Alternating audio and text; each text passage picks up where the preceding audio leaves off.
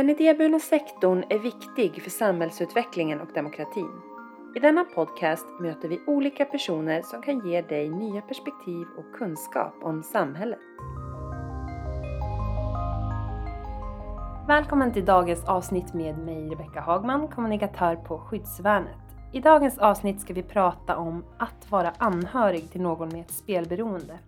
Och dagens gäst heter Sandra Mitjas. Hej Sandra! Hej Rebecka! Hej! Hur mår du? Jag mår bra. Härligt. Tack för att du kunde komma hit. Ja, tack för att jag fick komma hit. Och vi har ju träffats tidigare på Skyddsvärnets stora seminarium om just spelberoende för Ja. några år sedan. Ja. Eh, Du hade väldigt mycket att berätta där. Mm. Och det var därför vi kontaktade dig och ville ha med dig här. Ja, väldigt kul. Verkligen. Och hur skulle du presentera dig för någon som inte känner dig då? Eh, ja, jag heter Sandra. Jag är 29 år gammal. Och har precis eh, återgått till att jobba heltid nu efter att ha varit föräldraledig. Mm. Eh, så det är väl det jag gör mest. Ja. Mm.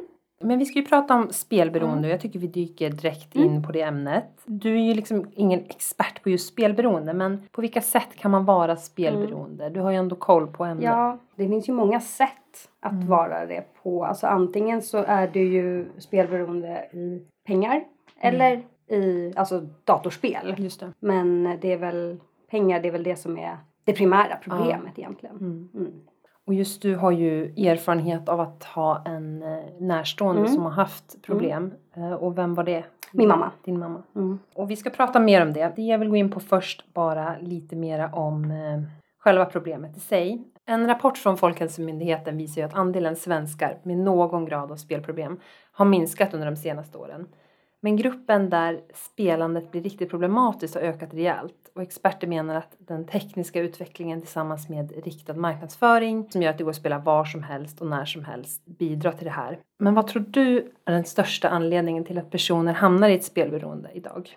Jag tror absolut att det är alltså tillgängligheten till det med telefoner och Mm.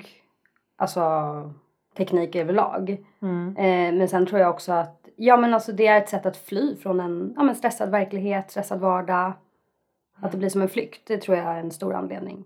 Och eh, det här med liksom hur samhället är uppbyggt idag Mm. och alla sponsorer Mm. som sponsrar liksom Mm. eh, att Ja, gå in men och spela här. Vad precis. tycker du om det? Eh, ja men jag tycker att det är jättetråkigt när man ser de här stora eh, kändisarna som ställer upp på sådana reklamer. Mm. Jag tycker inte liksom att det kanske är det de behöver göra. Nej. Eh, så det tycker jag är väldigt tråkigt. Ja, det håller jag verkligen med dig om. Mm. Men kan du berätta om på vilket sätt du är anhörig och liksom bakgrunden kring Mm. allting? Eh, jo men det är ju min mamma som är spelberoende fast nu mera spelfri. Jag var 18 eh, och hade varit i, jag gick gymnasiet och eh, kom hem ganska tidigt för vi hade haft någon typ halv studiedag eller något liknande. Mm. Och eh, så såg jag att mamma var hem, eller mammas bil var hemma och eh, ja, det var väldigt tidigt så jag tänkte så här, "Mm, kanske har blivit sjuk eller, eller så. Så då gick jag in och så, så sa hon så här att ja, jag måste berätta någonting, kan du sätta dig? Och jag bara Mm. nej, nej det tänker jag inte göra. Eh, men hur som helst till slut så berättade hon att hon eh, är spelberoende och hon har fått sparken. Och för mig var det liksom en helt ny värld. Alltså dels, jag hade ingen aning om vad spelberoende var och så spark, jag hade ingen aning. Nej. Eh, så jag var så här, jaha okej. Eh, men sen, och då valde jag att bara stänga av. Hade Så- du inte anat Nej, någonting? inte alls. Jag, alltså jag, var, jag jobbade extra, jag hade mina egna pengar så var, jag märkte Mm. liksom inte av något. Nej. något. Och sen, hon hade ju förskingrat pengar från sitt jobb. Eh, så vi hade ju inte anat någonting eftersom att hon hade ju pengar. Ja.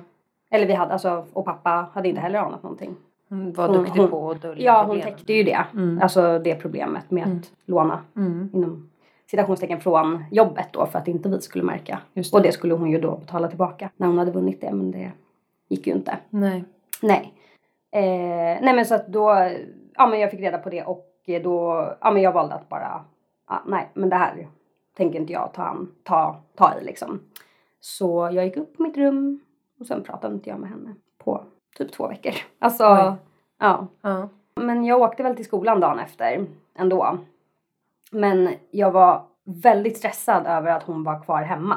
Mm. För jag kände så här, vad, vad ska hon göra nu? Kommer hon spela? Alltså Mm. när vi är borta? Eh, alltså vad ska hon göra hemma?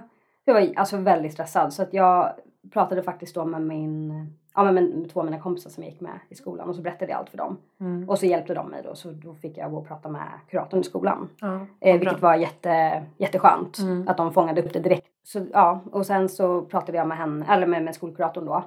Eh, och då, hon sa ju det att du kan ju liksom inte lägga det här på dig själv liksom. Du, alltså även om du är myndig så är du ändå ett barn hemma liksom. Men så jag pratade väl med henne. Men det tog ändå lite tid. Alltså jag var ändå tvungen liksom att bearbeta det själv innan Mm. jag pratade med mamma Mm. om det. Mm. Men vikten av att du fick stöd så pass fort var precis. väl förmodligen väldigt avgörande. Det var jätte, jätteavgörande. För ditt mående. Precis, liksom det var det verkligen. Och sen eh, fick din mamma hjälp eller? Eh, ja, alltså hon, eller hon tog sig ju hjälp då. Hon Mm. sökte ju själv fram då Spelberoendesföreningen i Stockholm. Eh, och jag, alltså jag tror att det var samma vecka som det här hände på jobbet som hon åkte dit. Mm. Och då frågade hon, eller, då, eller hon frågade inte, hon sa jag kommer åka hit, du får jättegärna följa med om du vill. Men jag sa nej, det vill jag inte göra. Nej. Utan det här, det är ingenting för mig liksom. Eh, men hon åkte dit eh, och, och sen sa hon att det var bra liksom. Och Mm. jag fick läsa lite så här, hon hade skrivit ner anteckningar i någon bok som jag fick läsa. Och jag bara, ja men det är jättebra att du har gjort det liksom. Men, eh, men jag ville själv inte följa med till en början. För sen började ju du engagera dig Precis. i och Mm. liksom bli anhörigresurs och du gick Mm. med i styrelsen för Spelberoendes Ja. riksförbund. Precis. Varför gjorde du det då? Ja men alltså det tog väl ett år från, eller ja, det här kom ju, att mamma, alltså vi fick reda på hennes spelberoende, det var i november. Mm. Eh, och jag kom till föreningen första gången i januari 2011, alltså över ett år efter. Okej. Ja, Mm. det här var 2009 då, så 2011 kom jag till föreningen. Och då hade jag ju liksom gått ett år och bara, "Ah, kanske skulle, kanske inte.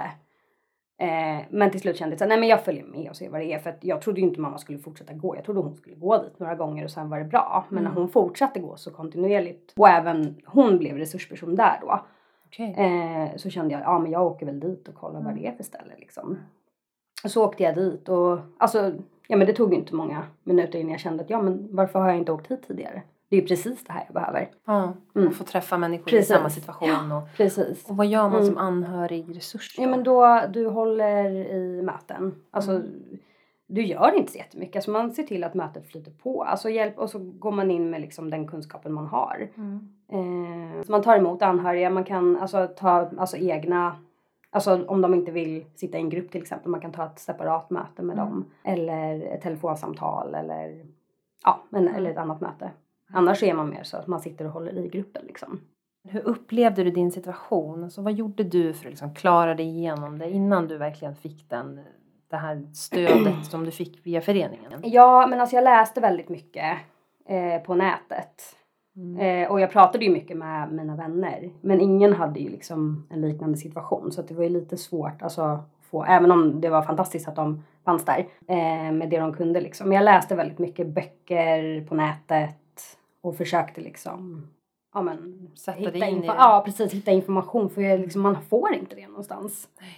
Och det gav dig någon slags lugn och kontroll och Ja, att du visste precis. hur det... Ja, och sen att det liksom...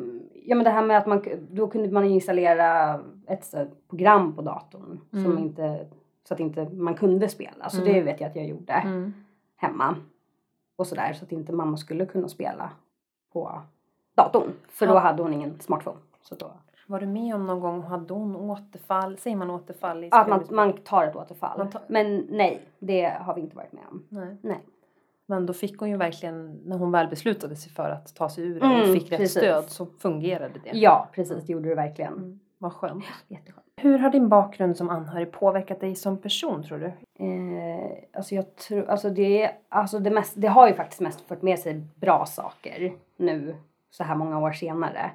Eh, jag känner väl att jag är rätt alltså lyhörd för problemet eh, och att jag ja men kan liksom Du kan, du kan sätta, kanske sätta dig in och Ja, förstå precis. personer som har problem. precis och kanske inte bara i, att, i ett spel beroende Nej, utan nej, kanske i andra situationer också Ja. för att man har träffat så många Mm. med olika historier liksom.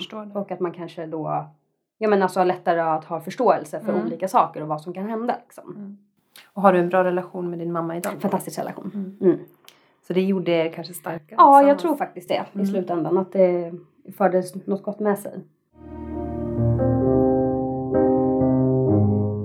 Du har ju som sagt suttit i styrelsen för Mm. Spelberoendes förening. Eh, Mm. Det är en partipolitiskt och religiöst obunden Mm. förening för spelberoende och anhöriga eh, som vill verka för att förebygga Mm. och avhjälpa spelberoende. Just det här med förebyggande då. Mm. Kan du tänka kring det? Vad, vad kan samhället göra för att förebygga att fler ska bli spelberoende och man ska slippa ha anhöriga som får? Ja, alltså det är ju att erbjuda hjälp. Mm. Jag vet att jag sa det på föreläsningen att det finns så himla många sätt att spela på. Och egentligen borde det finnas lika många sätt att få hjälp på. Mm. Det gör det ju tyvärr inte. Och det är ju ganska svårt att få den hjälpen. Alltså om man, alltså, om man bortser från föreningen då som är öppen för alla. Eh, men det är ju ganska, det är långa köer. Det är långa köer. Långa köer, ja. om, om man behöver stöd och Mm. hjälp idag som Mm. anhörig. Mm. Det kan man liksom inte få på den dagen tror du? Nej det tror jag inte. Inte, inte via liksom kommunen. Nej. Det är ju, och det är ju oftast nu, Mm. helst kanske förra veckan eller förra året du hade behövt ta hjälp för det här. Mm. Eh, och då vänta ett år till, eller månader, det, det kan Mm. bli tufft. Mm. Men eh, hur viktigt tror du det är att det finns ideella föreningar då, som spel, Spelberoendes Mm. förening i samhället? Behövs det fler? Ja, det tror jag absolut att det gör. Det är ju extremt mycket folk som kommer redan. Eh, och det är ju svårt som det är. Det skulle absolut behövas fler.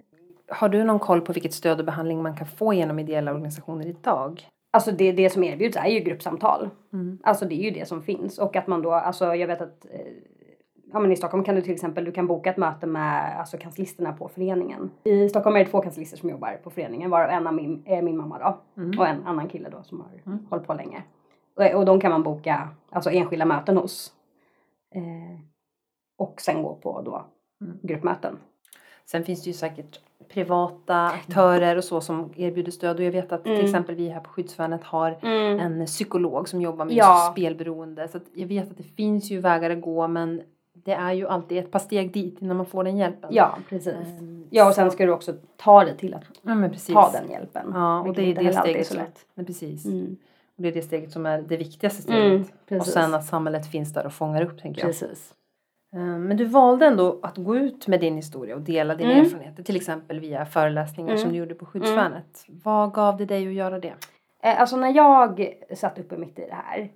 Eh, det har varit oerhört få barn jag har träffat. Alltså som har en förälder. Mm. Och det hade jag behövt. Eh, alltså där på, från början. Ett barn som har suttit i samma situation. Var det mest partners? Som... Mest partners och föräldrar till barn. Just Mm. Alltså att, barn, att det är barnet som Mm. har problematiken. Eh, men jag har träffat och det har jag fortfarande gjort under alla år. Det är jättefå barn. Och det lär ju finnas många Det finns massor. Mm. Eh, Och det hade jag behövt. Och då kände jag, ja men då kan jag göra det. Mm. Och vara den som kanske kan hjälpa någon då. Och under din tid när du satt i styrelsen eh, och var anhörigresurs, mötte du många barn då som... Inte många. Nej. Inte många. Så hur ska man nå ut till dem då? Ja. Jag vet faktiskt inte. Alltså det problemet med, med, med, med samtalen, alltså gruppsamtalen är ju att det är alltså 18-årsgräns. Mm. Så att barn, där, alltså det blir ju på ett annat sätt. Jag vet inte riktigt hur man ska gå för att fånga upp dem. Det blir ju liksom, jag kan tänka mig att det är mycket via skolan. Mm. Det känns som en stor så. utmaning. Alltså ett stort problem Ja. som egentligen inte riktigt har någon... Nej, Tydlig lösning. precis. Nej, precis. Mm. Och att det blir mer att man går kanske då till en slags barnpsykolog. Men om vi går in lite igen på förebyggande. Vad tycker du samhället ska bli bättre på kring förebyggande rent konkret? Vad, vad måste vi göra? Alltså, det, jag tycker absolut att eh, spelreklamen borde minskas. Mm. Det är, och, då er, eller, och att det ska erbjudas mer hjälp. Alltså snabbare hjälp. Eh, ta bort sms-lån. Eh, och alltså, ja men alla sådana snabblån. Och alla sådana Mm. saker. Det, Allt som bidrar till ja, enkelheten och det är att inte, hamna ja, där. och det har ju faktiskt inte bara med spel, det är ju dåligt egentligen för alla. Ja. ja, men precis. Mm. Vad skulle du vilja säga till någon som nu kanske lyssnar på det här och är i den sitsen där Mm. du var? Att man har fått Mm. reda på att någon närstående har ett spelberoende och du blir plötsligt en anhörig. Mm. Vad vill du säga till den? Eh, då skulle jag säga att prata med någon. Antingen vill du inte ringa själv, prata med någon som kanske kan hjälpa dig att ringa till någon som kan det här. Eh, läs på. Alltså hitta, alltså prata Mm. med någon. Mm. Även om det inte är någon som kan någonting, men någon kanske kan hjälpa dig att hitta kontakten till ja men till exempel spelberoendeförening i Stockholm. Det finns ju inte bara i Mm. Stockholm utan Jag kan tänka att många, att många unga och barn Mm. känner säkert kanske en Mm. skam. Att man, mm, man tror att man själv har någonting att Mm. göra med problemet. Mm, men så är det ju verkligen inte. absolut inte. Nej, det är alltså som anhörig, alltså, det, du kan aldrig, du ska aldrig belasta dig själv för det är verkligen inte ditt fel. Jag vet att det är skitsvårt att, eh, att säga det, eller alltså att ta till sig det. Men det är verkligen så. Om man som barn märker då att om, om vi säger att föräldrarna inte är så bra på att dölja sina Mm. problem och man börjar märka Mm. att något står, inte står rätt till men Mm. föräldrarna inte själv delar med Mm. sig av, av det. Mm. Jag tänker som barn har man ju inget ansvar att ta tag i det men Nej. vad gör man där? Alltså i första hand hade jag nog pratat med en vuxen En person. annan vuxen. En annan vuxen som jag litar på. Mm. Eller då ja, beroende på hur gammal man är. Mm. En annan vuxen, an, alltså kanske en kompis förälder eller en släkting. Det känns som ett väldigt viktigt liksom, steg Mycket att viktigt. ta om man har den Mm. oron. Mycket viktigt. För, för både föräldern och sin Precis. egen skull Ja, framförallt. precis. Ser du någonting som har gått framåt och blivit bättre? Det här var ju ett tag sedan det här Mm. skedde för dig. Mm. Ser du någonting positivt kring liksom hur vi jobbar med anhöriga och spelberoende överlag? Ja, alltså framförallt har det ju blivit mer alltså, uppmärksammat och Mm. inte, alltså det är ju inte alls på den här, alltså jag tycker inte alls att det är på den här skamfyllda nivån längre. Alltså det, det upplever jag inte och sen också att det har ju blivit lättare att få hjälp nu än om man Mm. jämför med för några år sedan när det nästan Mm. inte fanns någonting. Men sen det skrevs in i socialtjänstlagen som, ja men som sjuk, alltså. Precis, en som, psykiatrisk Precis, sjukdom. så är det ju lättare. Så att det är ju absolut positivt. Mm.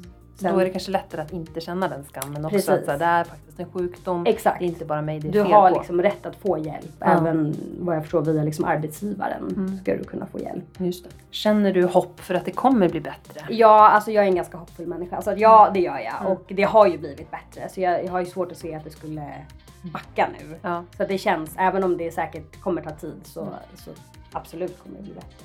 det låter bra. Ja, Sandra, en fråga som vi ställer till alla är Mm. kan du dela med dig av någonting som du tror att inte många vet om dig? Ja, säkert. Ja, alltså jag har ju en sån här orimlig förkärlek till O'boy-pulver. som jag kan äta bara som det är. Det brukar jag inte säga. Du har inte ens lite vatten i så att det blir Nej. som choklad? Nej, Nej. bara som det. Ja, det var ju, Ja. det var ju udda. Ja, det är lite udda. Mm. Mm. Ja, men det är gott. Ja, det är jättegott. Men du, då får jag säga tack så mycket Ja. för att du kom hit och delade med dig av Ja. dina erfarenheter som anhörig. Värdefullt för jättemånga tror jag. ja, Mm. tack för att jag fick komma.